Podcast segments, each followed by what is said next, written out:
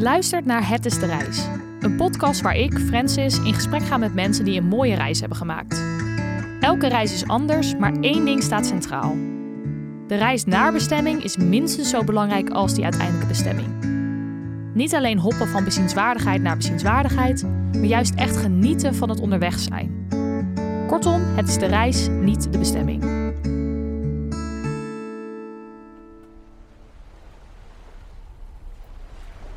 In deze aflevering spreek ik met Lena Hartog. Lena is klimaatactivist en zet zich al jaren in om op allerlei manieren meer aandacht voor het klimaat te vragen. In 2019 resulteerde dat in een wel heel bijzondere reis. Ik heb in 2019 de grootste reis van mijn leven gemaakt, namelijk met een talship, een grote zeilboot van Amsterdam naar Zuid-Amerika gezeild om naar de klimaatonderhandelingen in Chili te gaan. Lena is dus naar Zuid-Amerika gezeild. Dat betekent zeven weken onderweg waar je hele wereld opeens één zeilboot is. Deze bijzondere reis werd Sail to the Kop genoemd. Oftewel zeilen naar de klimaatconferentie. Misschien heb je er wel eens wat van gehoord in het nieuws. Van die groep jongeren die onderweg was naar Zuid-Amerika in een zeilschip en toen onderweg opeens te horen kreeg dat de conferentie werd verplaatst naar Madrid. Nou, dat is dus precies die boot waar Lena op zat. Ze vertelt straks alles over hoe dat bericht bij hen aankwam maar eerst ben ik wel benieuwd hoe Lena op het idee kwam om Stilte de Kop te organiseren. Ja, Stilte de Kop was een initiatief van drie andere nu vrienden en uh, mijzelf samen. En het was eigenlijk heel grappig, want we hadden alle vier los van elkaar het idee gekregen om naar de, de overkant te zeilen. Om van Europa naar Zuid-Amerika te zeilen. En we maakten ons ook alle vier erg zorgen over de groeiende impact van de luchtvaartindustrie. Um, en we wilden denk ik ook allemaal gewoon avontuur. Dus ik heb het samen met Mara, Moon en Jeppe georganiseerd. Ik zat toen zelf al lang in de klimaatbeweging als activist. En begon me zoveel zorgen te maken over de groeiende stijging van de vliegindustrie wereldwijd. En het gebrek aan beleid daarop. En ik vloog toen zelf al een paar jaar niet. En had ook wel heel veel zin om weer een keer naar ver te gaan. Dus het was een hele mooie combinatie van hoe kunnen we nou op internationaal niveau aandacht vragen voor de luchtvaartindustrie. Nou, dat kan goed op een uh, klimaatconferentie zoals toen in Chili was. En hoe kunnen we ook onze waarden en onze idealen belichamen door die reis op een duurzame manier te doen.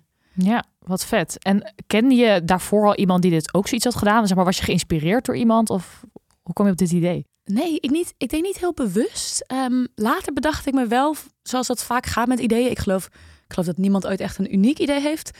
Later bedacht ik me, oh ja, ik kende wel al lang de Chocolate Makers. Ik weet niet of je hun kent. Het is echt een fantastisch bedrijf uit Amsterdam die hele duurzame chocola en whisky ook uit, uh, uit Zuid-Amerika halen met een talship, met een zeilboot. Um, dus ik denk dat ik wel wist van het bestaan van zeilen. Ik ben overigens uit het team van vier de meest onervaren zeiler. Uh, toen en zeker nog steeds. Ja. dus uh, het was voor mij ook meer van, oh ja, ik heb het nog nooit gedaan.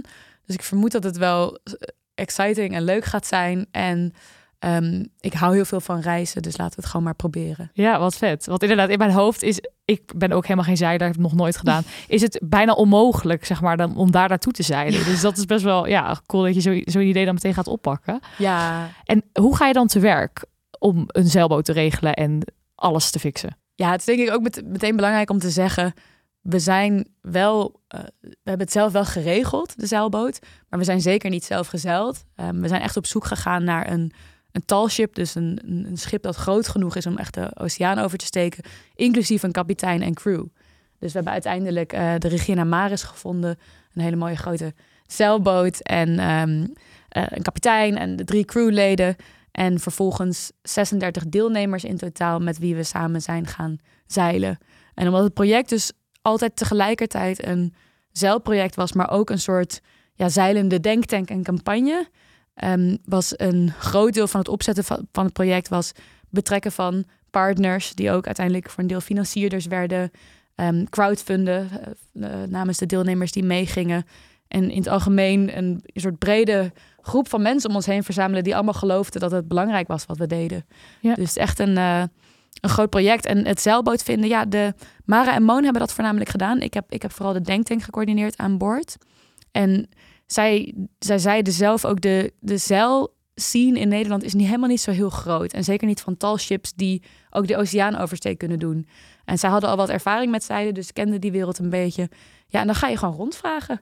Van wie heeft er tijd die periode? En dat was eigenlijk meteen het meest uitdagende. Want wij wilden op een hele specifieke tijd naar Zuid-Amerika. Namelijk voor de klimaatconferentie die daar gebeurde. En dat was rond uh, oktober um, dat jaar in de herfst. En dat was eigenlijk helemaal niet het meest ideale moment om te zeilen. Dus daarom was het ook best wel zoeken van wie gaat er dan? En dan ook nog binnen ons budget. Want alles wat we hebben kunnen betalen, hebben we opgehaald met ja, partnerships en crowdfunding. Het is een vrijwillig project geweest. En um, is niet goedkoop. Dus dat was denk ik het grootste werk. Gewoon van hoe, ja, hoe vormen we dit project op een manier dat zoveel mogelijk mensen meedoen. Dat zij er ook echt wat uithalen als partners, zodat wij het kunnen financieren en uiteindelijk uh, weg kunnen zeilen. Ja, en die 36 mensen die dus meegingen, hoe konden die zich gewoon opgeven? Hoe ging die selectie? We hadden bedacht, we willen een groep van jonge mensen die allemaal bezorgd zijn over de klimaatcrisis. Um, maar het liefst wel vanuit verschillende rollen omdat we daar heel erg in geloven. Dus echt een combinatie van, dus ook in onze partners van wetenschap, bedrijfsleven, overheid. Zodat we en met activisten zaten, wat, wat ik zelf ook ben. Maar ook met bijvoorbeeld, uh, uiteindelijk was uh, Eva mee, die werkte toen bij ProRail. Die ook een groot, uh, ja, groot aandeel hebben in een duurzame transitie en zich erin inzetten voor treinen. We hadden ondernemers mee aan boord, die veel meer vanuit die kant naar de klimaatcrisis keken. En um, naar, naar duurzame transport. En zo, ja, zo hadden we bedacht wie we mee wilden. En vervolgens hebben we dat uitgezet in de netwerken waar wij allemaal in zitten. Konden mensen zich aanmelden. En dan was naast hun professionele rol, dus wat ze als student deden of als, als werknemer, was het ook belangrijk. Kun jij fijn samen op een schip zitten voor in totaal 2,5 maand, ja. inclusief stops. Dus daar gingen ook veel van onze vragen in de selectie over. We hebben iedereen persoonlijk gesproken van hoe ga je om met conflict? Heb je wel eens eerder in groepen dingen gedaan? En daar zijn zeker ook mensen op afgevallen, want het is super intens om in zo'n kleine ruimte samen te zitten. En dan ook nog die tijd te willen gebruiken om iets te produceren, namelijk een heel rapport en een campagne. Um, dus dat was zeker, dat, uh, dat was ook het gedeelte waar, waarvan ik me van tevoren meeste zorgen maakte. Dat ik dacht, oké, wel spannend, 36 mensen aan boord. Ja, inderdaad. Oké, dus dat is inderdaad een groot gedeelte geweest van de voorbereiding. En wat moet je nog meer allemaal regelen? Wat neem je bijvoorbeeld mee op zo'n schip? Ja, dus voor het zeilen zelf, kijk, de, wij waren eindverantwoordelijk voor het project, maar de kapitein en crew waren eindverantwoordelijk voor onze veiligheid. Zij zijn gewoon de ervaren zeilers. Als deelnemers dus, uh, moesten wij wel meezeilen. Dus iedereen moest vier uur per dag aan de denktank zitten en vier uur per dag zeilen. Dus daarvoor hadden we goede jassen nodig en goede broeken. Echt waterdicht. En van tevoren dacht ik nog, ja, ja, ja, ja, ja. Maar dat was echt wel nodig, want soms zijn de golven gewoon zo hoog dat het over je heen komt. Oh jeetje. En dan worden net, de netten gespannen aan boord. En ja. ja. dan moet het gewoon aan. En zeker als je dan een shift hebt, uh, moet je wel zeilen. Dus dan sta je daar en dan is het heel fijn als je wel gewoon droog blijft onder je kleding. En ja, je deelde je kamer, we deelden de, onze kamers met uh, vier mensen samen. Dus het is weinig spulletjes mee, ieder een bedje. Echt, echt zo'n knusse bedstee. um, en wat ik verder heel bijzonder vond aan boord, was dat alles ook geregeld was. Dat het niet te veel viel. Want soms schommelt de boot echt alle kanten op. Ik moest ook echt weer wennen toen ik weer aan land was. Dus je hebt allemaal bijvoorbeeld placemats die je onder je borden legt en onder je bestek. Zodat dat als het schudt, dat het dan nog een beetje blijft... Uh, blijft zitten. Ja, slim. En ja. qua eten en drinken, wat neem je dan mee? Want je moet natuurlijk een paar weken voorraad uh, ja. meenemen. Dat was nog heel grappig. Ik herinner me nog dat we in... We, we vaarden hier weg uit Amsterdam-Noord. En dat we zo de avond van tevoren allemaal in zo'n lange trein... één voor één alle, uh, alle provianten in gingen, in gingen laden. Mm -hmm. um, en dit was natuurlijk best wel een klimaatbewuste groep. En daar kwamen één voor één de stukken vlees en melk. Want ook voor een deel wij, wij aten voor, uh, voor overwegend, uh, nou, helemaal vegetarisch, overwegend vegan. Mm -hmm. Maar ja, de kapitein was ook mee en die wilde gewoon lekker vlees eten. Dus uh, een hele hoop voedsel voor lang genoeg. Ja. Het langste stuk was de echte oceaan oversteken. Die is 12 dagen. Dus ja, je moet er gewoon genoeg eten mee hebben. Dus dat, dat moet mee. En waar we ook achter kwamen, een deel was heel zeeziek, een deel wat minder. Iedereen op het begin wel, maar uh, of de meeste op het begin wel, maar daarna steeds minder. Ja, je moet dan gewoon ook chips en de hele neutrale dingen mee die, ja. nog, die nog te eten zijn als je echt heel misselijk bent. Ja, inderdaad. Oké, okay, dus dan ga je inderdaad beginnen aan die, aan die route. Wat, welke route heb je genomen? Jullie zijn al een paar keer gestopt natuurlijk onderweg ook. Ja, ja, dus we zijn begonnen in Amsterdam. En we hebben toen nog even een... Dat, dat is qua route niet heel logisch, maar dat uh, was onderdeel nog van het project. Hebben we een stop gema gemaakt uh, in Casablanca om een deelnemer op te halen. uh, Ayoub, dus een Marokkaanse deelnemer die vanaf daar mee ging doen. Dus die kwam daar aan boord. Um, en we zijn naar Kaapverdië gegaan. Of eerst naar Tenerife, toen naar Kaapverdië. En Kaapverdië was eigenlijk het moment dat we de grote oversteek zouden gaan maken. Dus van de, het initiële plan was om van Kaapverdië um, naar Brazilië te gaan en dan in Brazilië over land naar Chili. Dat was het doel. Um, maar eenmaal in Kaapverdië um, hoorden wij, en dat is ook, weet je, bij je eerdere vraag van hoe bereid je nou voor? Nou, hier hadden we ons niet op voorbereid. Eenmaal in Kaapverdië hoorden wij dat de klimaatconferentie waar we heen gingen verplaatst was. Dus die zou eigenlijk in Chili zijn en die was ineens in Madrid en wij zaten in Kaapverdië. Ja. Dus toen hebben we besloten om de route net te veranderen. Zijn we uiteindelijk wel um, uh, naar Brazilië gegaan, maar hebben we eerst een um, uh, eerst nog een stop gemaakt om de kop gewoon vanaf online mee te doen. Ja, en zijn we uiteindelijk in Colombia geëindigd. Um, dus die route is, is een beetje veranderd. Ja, ja. oké. En als we even kijken naar die eerste dagen, hoe, hoe was dat? Hoe kon je een beetje proberen te wennen aan het leven op zo'n schip? ja. ja, als ik aan terugdenk, ik weet vooral dat ik gewoon zelf, ik, ik had nog niet zoveel gezeld, dat ik heel erg moest wennen aan hoe wiebelig alles was. En dat alles gewoon, ja, alles, alles gebeurt in een soort ritme. En dat ritme verandert ook. En de zee verandert ook. Dus de zee was de ene dag grijs en donker en kleine golven. En de andere dag gigantische golven en veel blauwer. Um, en uh, ik moest ook wennen aan het intense samen zijn. En dat was op het begin nog een soort piek, zoals je wel kunt, zult kennen bij elke nieuwe groep. Van joepie, wie is het allemaal? En toen werd het al snel um, echt een beproeving. Omdat de eerste week uh, was eigenlijk het heftigst van de hele trip qua, qua zee. Dus er waren superhoge golven. De Noordzee, heb ik ook gehoord, is eigenlijk ook veel heftiger. Veel mensen denken, oh, de oceaan, dat is, dat ja, is waar het moeilijk denken, wordt. Inderdaad, Van. Oeh, maar de oceaan was super stil. En was heel rustig. Noordzee was echt, uh, okay, was echt even doorzetten. Dus toen was het vooral ook voor ons als coördinatieteam heel grappig. Want ja, iedereen is... Uh, Iedereen is zeeziek, of de meeste. Sommigen met zelfervaring niet, of met geluk niet. Maar echt, echt kotsmisselijk, ja, zeg maar. Ja, dus heel veel aan het kotsen. Ja, en, uh, oh. en, en dus dan gaat het gewoon over het moraal hoog houden. Ja. En, uh, een beetje doorbijten. En, uh, en ook al wel snel heel erg genieten. Want het is... Ik heb nog steeds, als ik eraan terugdenk... Het is zo'n ongekende ervaring om zo alleen met de zee te zijn. Ja. En om niks om je heen te zien van menselijke creaties. En puur de golven en puur de stilte en de vogels. En Want je hebt dan denk ik ook geen verbinding uh, met internet en dat soort dingen. Nee, dus er is wel, er is wel een soort apparaatje mee waarmee je nog contact kunt hebben. Um, maar dat is meer voor noodgevallen. En het ligt eraan, als je dicht bij een haven bent, dan heb je nog verbinding. Dus dan uh, zagen we vaak ook heel veel deelnemers zo snel nog op hun telefoon. Ja, precies. En dan op een gegeven moment is het klaar. En dan voel je ook, oké, okay, nu zijn Ja. we echt, uh, nu zijn we echt los. Ja, en wat deed je dan zo'n hele dag? Hoe zag zo'n dag eruit op zo'n boot? Ja, we hadden dus denk ik een bijzonder ritme uh, ten opzichte van andere zeilreizen, omdat het echt een dubbel doel had. Dus het zeilen zelf en het voorbereiden voor de klimaatconferentie. Dus het was um, vier uur zeilen, vier uur aan de denktank werken. En het, ligt, het lag dan heel erg aan welke shift je in was. Want je moet je voorstellen dat een zeilboot heeft 24 uur mensen nodig. Dus het lag, ja, de een had een ritme van uh, de night shift. Ja, en dan begin je. Ik had vaak de avondshifts van 9 uur s avonds tot 1 uur s'nachts. Maar er zijn dus ook mensen die een shift hadden van 1 uur s'nachts tot 5 uur s ochtends. Oh ja, heftig. en op het begin hadden wij gewoon iedereen ingedeeld. En uh, nou, daarna, wij bleven die indeling wel maken, maar ook wel een beetje rekening houden met wat mensen fijn vinden. En je had mensen die het echt fantastisch vonden om bij het ochtendgloren nog de shift te hebben, zodat je de, de zon ziet opkomen. En mensen die het juist heerlijk vonden om, uh, om s'avonds de sterren te zien. Ja. Ik vond dat zelf heel mooi om s'avonds laat aan het stuur te staan, alleen de sterren te zien, daarop te navigeren. Dan zie je echt uh, de melkweg wel, of niet? Ja, ja. ja zeker. dat is echt fantastisch. Dus Ja. het was opstaan, eten, afhankelijk van ja, of dat het ontbijt is of lunch, maar je eerste maaltijd. Dan een deel aan de denktank werken o- overdag. Dus dan gingen we brainstormen, be- beleidsstukken lezen. Alles over de vraag van hoe, hoe creëren we nou een duurzame reisindustrie. Op een gegeven moment eh, is het eten. Het was altijd grappig. Vaak, ik vermoedde dat de kapitein dat eh, soms expres deed. Vaak precies als wij ons avondeten hadden, dan eh, zei de kapitein, hij is de zeilen. en dan moesten snel- steeds weer laten gaan, zeilen hijsen. en ehm, Want je moest dus, hij kon iets roepen en dan moest je snel verzamelen Ja. om, om, om iets te fixen. ja, zeg en dat was dus ook voor mij een constante spanning, omdat ik juist meer met die denktank bezig was. Ja. Elk moment kon het zijn dat de zeilen gehezen worden, moesten worden, of juist andersom.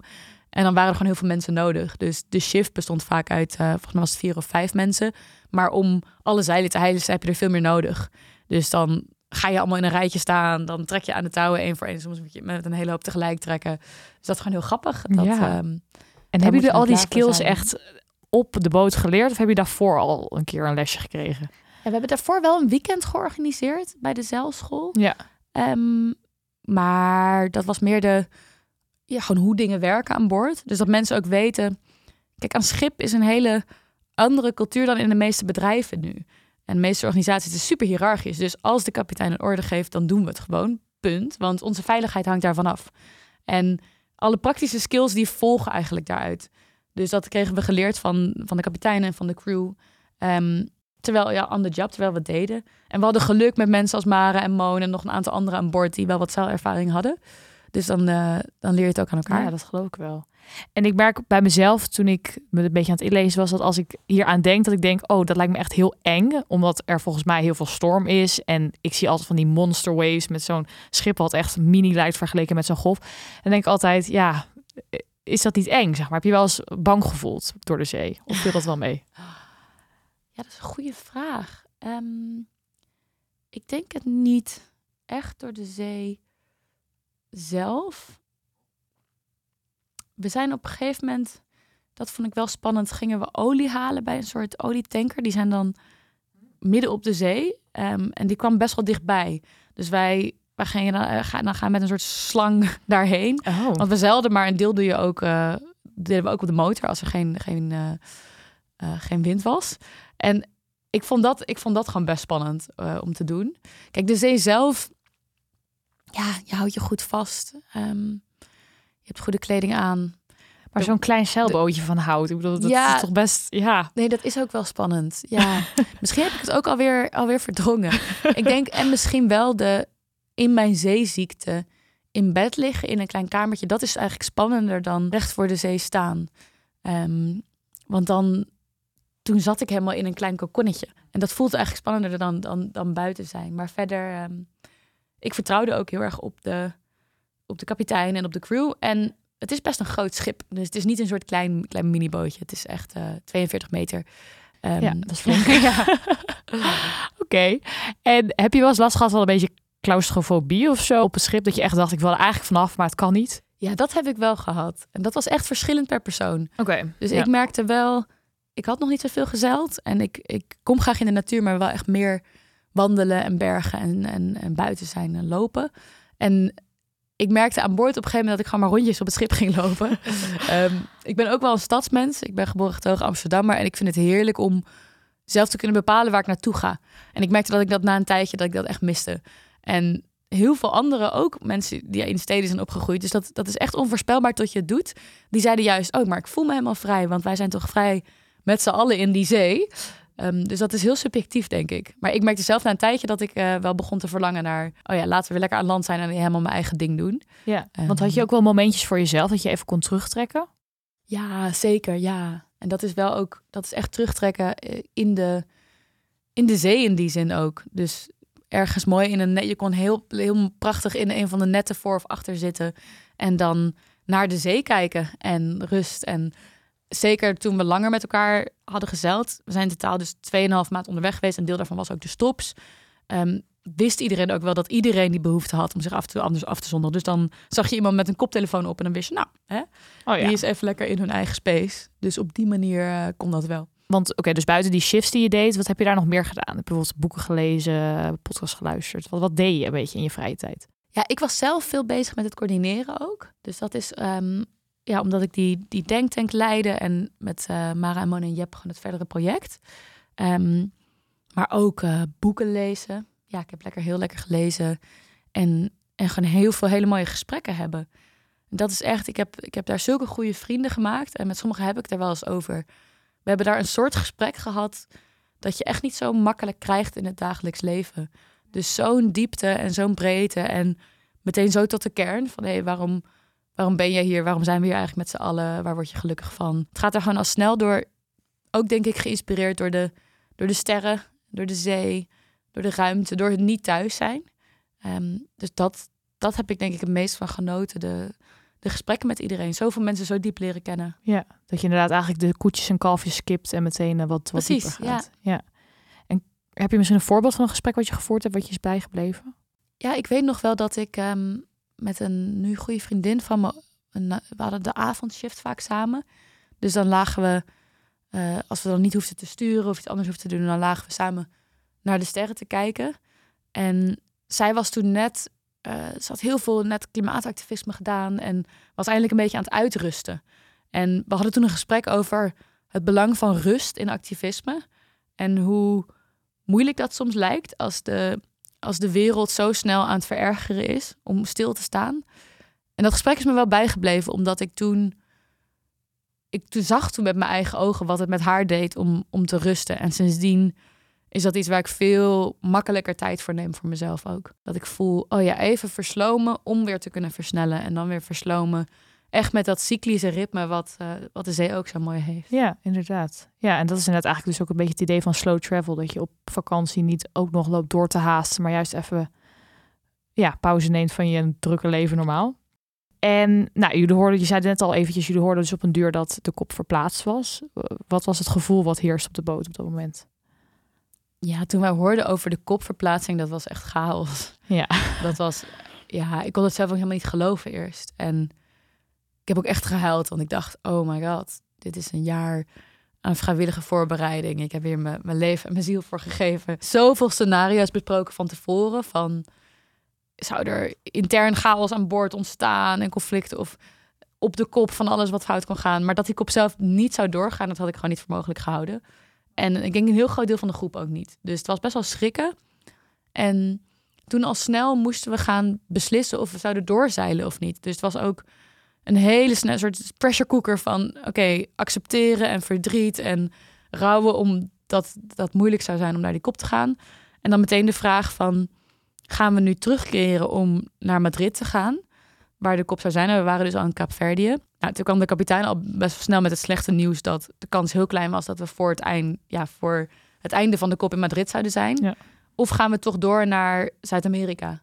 En de reden dat we toen redelijk snel hebben besloten om door te gaan, is dat we gingen met z'n allen naar de kop, maar een deel van de groep zou ook nog naar een grote bijeenkomst van allemaal indigenous communities te gaan, gaan in Brazilië. Dus we dachten, nou, we brengen hun daar in ieder geval heen, want dan hebben zij dat bereikt.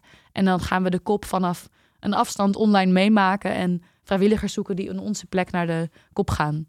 Maar de sfeer was ja, een soort manisch verdrietig. Iedereen zegt, oh my god, Ja. hoe kan dit nou? Uh, En inderdaad, wat hebben jullie gedaan om proberen iedereen zijn spirits weer een beetje... eh, Ja, ik, ik geloof zelf heel erg in ruimte maken voor verdriet. Dat dat super belangrijk is. Dus erkennen dat iets jammer is. En dit was heel jammer. Ja. Dit was echt heel jammer. En vervolgens wel vanuit die acceptatie van het verdriet gaan kijken. Oké, een doel van het project was fysiek aanwezig zijn op de kop. Maar het hogere doel was ook onze stem daar laten horen. Zijn er andere manieren dat we dat kunnen gaan doen? En dat al het werk wat we al hadden gedaan voor de Denktank, dat we dat nog wel op een manier naar de kop konden brengen. Dus op die manier hebben we wel weer een positieve sfeer erin gekregen van oké, laten we extra hard gaan werken om iets te maken wat we makkelijk aan anderen kunnen doorgeven en snel vrijwilligers zoeken. En dat moest allemaal heel snel, want je hebt ook maar, we hadden ook maar een korte tijd internet. Dus dan is het oké, is nu met iedereen bellen. En we werden ook door heel veel pers gevolgd, dus al die pers ook bellen. En mhm. ik heb toen ook echt een mediawijsheid geleerd. Want ja. Eh, iedereen vindt het leuk als je, als, als je faalt eigenlijk. ja. Dus dat is echt, dat is ook wel veel aandacht. het is ook echt de piek in mijn mediacarrière. Want wij werden toen een, een nationale grap in Arjen Lubach. Van, oh ja, de kop is gecanceld en een deel was al onderweg. Dan zag je ons zo de, de, de zeilen hijsen. Ehm, en dat vond ik echt hilarisch. Zo, want we, zo- we hadden zoveel media gecontacteerd natuurlijk dat we dit deden. En de boodschap en klimaat.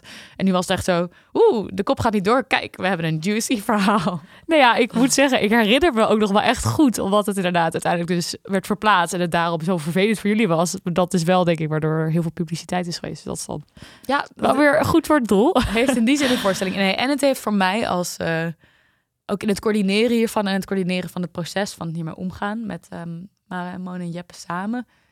Echt een cursus omgaan met eh, teleurstellingen voor gevorderden. Ja. En ja, hoe, hoe zet je zoiets om is in toch iets moois en toch iets productiefs. En ehm, ik vond het zelf heel, ja, heel bijzonder om te zien hoeveel energie er vrij kwam toen we eenmaal hadden geaccepteerd dat, dat wij er waarschijnlijk niet heen konden. En toen hebben we echt in no time hebben we 22 vrijwilligers gevonden die dus echt voor ons een paar weken later naar Madrid zouden gaan. Dat is echt iets waarvan ik nu, ja, nu na corona kan ik het me beter voorstellen dat, dat je andere mensen ergens naartoe laat gaan en offline en virtueel. Maar op dat moment was het echt zo, wow, dat dit gewoon kan. Dus dat vond ik uiteindelijk ook wel weer een hele mooie ervaring. Ondanks de teleurstelling die ze moesten verwerken, vond Lena het een fantastische reis waarin ze heel veel vette dingen heeft gezien en meegemaakt. Ik vraag haar dan ook wat nou haar favoriete herinnering is. De mooiste momenten, en dat zijn meteen ook de, de, de Kodak-momenten, zijn, uh, zijn als, er, als er ineens dolfijnen kwamen meezwemmen. Dat Oh ja, gebeurde best cool. vaak. Dus op het begin, ik weet vooral dat ik het bijzonder vond dat het op een gegeven moment normaal werd. Dus het begin was echt zo, dolfijnen. En dan iedereen rennen. En, zo, ah. Ja. en ik zo, jongens, we moeten wel weer naar de denktank. En iedereen, ah, dolfijnen. En op een gegeven moment weet ik nog dat er een keer dolfijnen waren. En dat ik tegen een vriend van me aan boord zei van, oh ja, het is nu, het is nu normaal geworden. Ja, En dat is, het is zo abnormaal. bijzonder, ja. En dat voelt dan echt alsof je, alsof ik gast ben in de natuur. En zo'n diep besef van dat die, dat die natuur ook zonder mij doorgaat. En dat was denk ik überhaupt voor mij een heel groot inzicht aan boord. Zo'n groot deel van de, van de wereld is zee. Echt 70 procent. En dat getal, dat kende ik al wel, maar die realiteit van hoeveel dat is en hoeveel soorten zee er zijn en hoe dat al die landen verbindt, dat, dat, dat kon ik pas voelen toen ik die reis maakte. En jullie hebben dit natuurlijk ook best wel gedaan vanuit, ja, symboliek ook, zeg maar, laten zien eh, met echt een doel. Maar voor mensen die dit zouden willen doen, ja, meer voor een vakantie, zou je dat dan aanraden? Denk je dat het, dat het doable is? Nou, ik denk om te beginnen, eh, zeilen is zeker doable. En ik heb genoeg eh, vrienden die wat meer in die zeilwereld zitten, die ook kleinere oversteken gemaakt hebben. Dus zelf naar Engeland gezeild bijvoorbeeld. En voor het avontuur is ook, is, is misschien zelfs nog meer op een klein zeilbootje wat je helemaal zelf doet. Is dat eigenlijk, geeft dat eigenlijk echt al superveel. Ehm en dat is doable ook denk ik voor de gemiddelde mens. Een zeilboot charteren wat we uiteindelijk hebben gedaan, inclusief een kapitein en crew, kost gewoon ongelooflijk veel geld. En ja, wij hebben daar een heel jaar in gestopt om dat vrijwillig allemaal te regelen en te zoeken. Daarvan denk ik niet, oh, dat, dat is heel makkelijk repliceerbaar. Tuurlijk, als je dit hoort en denkt, ik heb een droom, ga het absoluut doen. En ik help je graag. Ehm, wat wel realistischer is, er gaan al heel veel zeilboten heen en weer. En je hebt allemaal soort hitchhike websites voor zeilboten waar ze crew zoeken. En niet, voor niet alle heb je al heel veel ervaring nodig. Dus stel je droomt ervan om een keer die oversteek te maken. Echt van, ehm, van Europa naar bijvoorbeeld Zuid-Amerika. Of een oceaancrossing. Dan kun je natuurlijk beginnen met er, ervaring opdoen op andere plekken. Een kleine ervaring. En dan kijken van oké, wie zoekt er een crewmember? En dan ga je mee. En dan kun je op die manier kun je, kun je soms wel gratis kun je, dat, kun je dat doen. En dat is denk ik voor veel meer mensen bereikbaar. Want is dit voor jou, want je zei dat je niet echt meer wil vliegen, is dit voor jou dan een optie om dit nog een keertje nog een keer te doen met zo'n zeilboot? Ja, zeker. Ja, ja. Ja ik, ik, ik, ik vlieg eh, niet voor vakantie. Ik heb nu één vlucht voor mijn werk gemaakt eh, naar, de, naar de klimaatconferentie in Egypte laatst. Maar verder nu zes jaar niet gevlogen of zo. En ik merk wel, ik, eh, ik mis het wel om buiten Europa te zijn. Ik vond dat heel fantastisch. Dus vier jaar terug met, met Zilte de Kop. Ik vind het heel leuk om andere culturen te ontdekken en nieuwe plekken te komen. Daarvoor zou ik zie ik mezelf nog wel een keer zeilen. Ik heb de terugweg ben ben ik met een cargo schip gegaan van Colombia naar Nederland. Oh, hoe was dat? Ehm, dat was heel fijn. Dat is eigenlijk heel, heel anders dan ik dacht. Veel luxer. Ik dacht echt een beetje edgy, maar ja, dat dacht ik eigenlijk ja. ook, ja. nee, je hebt daar een hele fijne website voor. eh, Slow Travel, een Duits, Duitse organisatie die, die, die verbindt met eh, cargo-schepen met eh, passengers. Oké. Ehm, en er is één reis die ik nog wel graag wil maken van Antwerpen naar Canada. Dat is de kortste cargo-schip. Dat is eh, negen dagen. Oh, en dan door Amerika heen met de Amtrak, met de trein. Dat lijkt me nog wel fantastisch om te doen. Ja, cool. Ehm, en eh, ja, nee, ik denk dat ik nu vooral van treinreizen droom. Ik hou heel erg van met de trein Ja. gaan. En ik zou ook nog wel graag een keer wel zo'n oceaanoversteek willen doen zonder een project erbij. Want dat is, ik ben blij dat we het hebben gedaan, want het paste helemaal allemaal samen. Maar het was ook wel intens. Ja, dat geloof het ik. lijkt me heerlijk als iemand zegt, hij is de zeilen, om dan niet te denken, oh nee, maar de denktank. maar gewoon dat te doen Ja. en eh, daarvan te leren. Moet ik wel wat beter worden in knopen leggen. Het is nog steeds niet mijn forte om te doen. Maar nee, ik, eh, ik blijf dromen van dit soort grote reizen. En dat is ook mijn... Ik ben super blij met de beslissing ooit om Het begon met een zomer niet vliegen, dat ik dacht, oké, ga ik dat doen. Ik backpackte juist heel veel en vloog ook uh, over de jaren heb ik ook genoeg gevlogen. En toen een jaar niet vliegen en uiteindelijk is dit het geworden. En ik had, ik had nooit die reis gemaakt als ik die beslissing niet had genomen. Dus ik vermoed dat er nog wel meer grote reizen gaan komen, maar gewoon slow over de jaren verdeeld. En uh, nou, deze podcast heet natuurlijk Het is de reis, niet de bestemming. Nou, uiteindelijk, jullie bestemming bleek ook niet helemaal de bestemming te zijn, dus dat klopt al helemaal. Uh, en waarom is het voor jou persoonlijk zo belangrijk om wat bewuster om te gaan met de reis en de afstand die je aflegt? Het is eigenlijk heel simpel. Ook met het leven is het de reis en niet de bestemming. Het gaat natuurlijk niet om hoe we doodgaan, maar om hoe we leven. En dat voelt voor mij ook zo met het reizen zelf. Vroeger, toen ik nog vloog, had ik wel eens een heel gek gevoel als ik ergens al een paar dagen was. Dat ik na een week merkte, oh, maar nu ben ik er echt. Dat ik ergens nog, en dat zie ik nu spiritueler, dat ik ergens nog onderweg was met mijn ziel. En dat vind ik het fantastische aan slow travel, een echt langzame reizen, dat ik voel dat mijn, mijn ziel, mijn lichaam, mijn hersenen tegelijk reizen met het vervoer. En zelfs een trein gaat, daar, gaat daarin soms sneller. Ehm, maar ik ben me nu veel bewuster van dat dat zo is, omdat ik, omdat ik ben gaan vertragen in transportmiddelen. En het is gewoon veel meer. Veel van de dingen die ik zocht in vakantie, die vind ik nu al veel meer in het onderweg zijn. En niet pas als ik ergens ben aangekomen. Dus rust en ruimte en tijd om na te denken en zijn in plaats van doen. En dat is, uh, dat is echt heerlijk aan wat langzamer reizen.